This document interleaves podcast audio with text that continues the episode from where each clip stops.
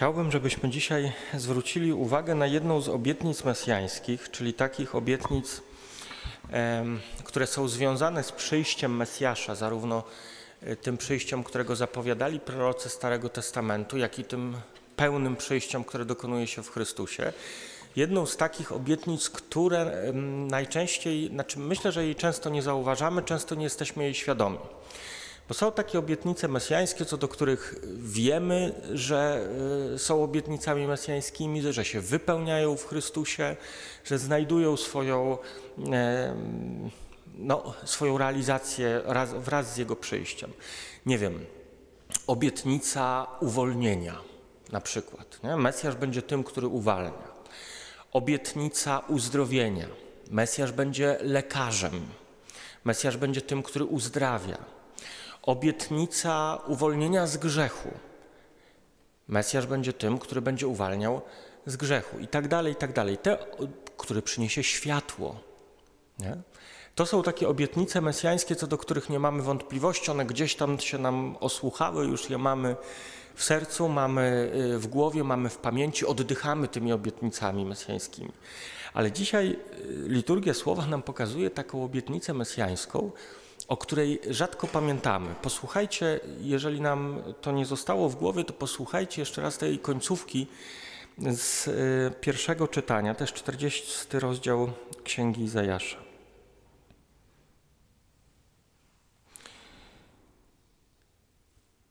Pan to Bóg wieczny, stwórca krańców ziemi. On się nie męczy ani nie nuży. Jego mądrość jest niezgłębiona. I teraz posłuchajcie. On daje siłę zmęczonemu i pomnaża moc bezsilnego. On daje siłę zmęczonemu i pomnaża moc bezsilnego. Chłopcy się męczą i nużą, chwieją się słabnąc młodzieńcy.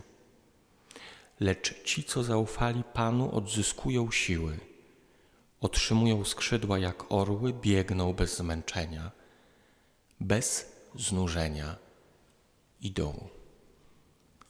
Ciekawa obietnica mesjańska. Daje siłę zmęczonemu i pomnaża moc bezsilnego. Mesjasz to jest ten, który ma odnowić nasze siły, który ma sprawić, że nie będziemy tak strasznie zmęczeni, jacy jesteśmy, który sprawi, że nie będziemy tak znużeni, że nie będziemy jak tacy właśnie młodzi chłopcy, którzy się zmęczyli tym, że ledwo co zaczęli coś robić, już są zmęczeni. Bardzo często tak jest, nie? Że, że zanim jeszcze się rozkręci to, co na dobre robimy, to my już jesteśmy zmęczeni. Różne rzeczy nas męczą. I popatrzcie, ta obietnica mesjańska z księgi Izajasza, ona znajduje wypełnienie w tym, co Pan Jezus mówi sam o sobie. Przyjdźcie do mnie wszyscy, którzy utrudzeni i obciążeni jesteście, a ja was pokrzepię. Chrystus wypełnia tę zapowiedź mesjańską, mówiąc o sobie tak: Ja was pokrzepię, ja jestem tym Mesjaszem. A czym się można tak zmęczyć? Co jest takiego nużącego, co jest takiego męczącego w tym wszystkim, czego doświadczamy? Bo chyba mamy świadomość, że to nie chodzi o to, że trzeba rano wstawać, nie? Znaczy to też jest męczące oczywiście. Już jesteśmy tak mniej więcej w połowie naszych wysiłków adwentowych i myślę, że czujemy, że to jest męczące. Po prostu fizycznie jesteśmy zmęczeni. Ale czy to o to chodzi? Nie do końca. Nie do końca.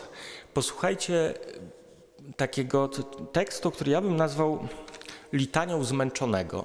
Tekst jest stary. On pochodzi z, to jest końcówka XVI wieku, ale posłuchajcie, bo on dobrze ujmuje to, czym się można naprawdę zmęczyć i czym my naprawdę często jesteśmy zmęczeni. W śmierć, jak w sen odejść pragnę, znużony tym wszystkim. Tym, jak rzadko zasługę nagradza zapłata.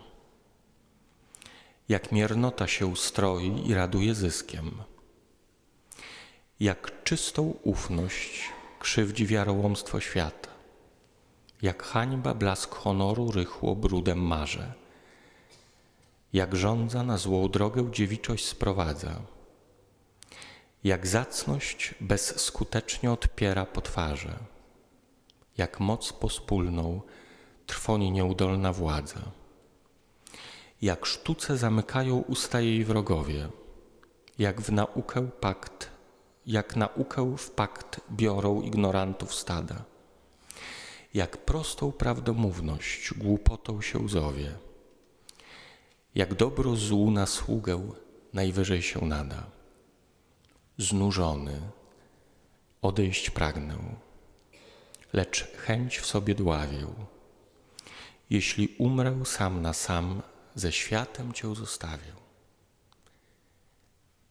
Nie chodzi o końcówkę, chociaż ona jest literacko tu ważna, bo to jest sonet. Nie? Także ta końcówka wszystko trzyma. Ale zwróćcie uwagę, to co wymienia autor, Szekspir, bo to jest 66 sonet y, Williama Szekspira. To jest taka litania rzeczy, które naprawdę nużą. To, że czystą ufność krzywdzi wiarołomstwo świata, to, że hańba blask honoru rychło brudem marze, że zacność bezskutecznie odpiera po twarzy i tak dalej, i tak dalej, i tak dalej. To jest naprawdę nużące wszystko. Znaczy, to jest kurcze naprawdę nużące. Nie byliście nigdy zmęczeni tym, że się nie możecie przebić z tym, co się wydaje dobre, albo że to jest niedoceniane, co się wydaje dobre wam, a co jest e, niezauważane przez innych.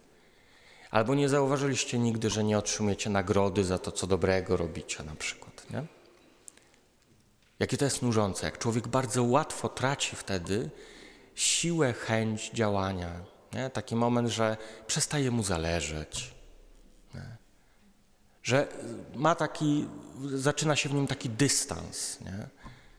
Niezdrowy dystans, takie znużenie, które powiada nie, po prostu to wszystko ta scenografia, którą mam wokół siebie, jest tak straszna, że ja się już nie będę angażował w różne rzeczy.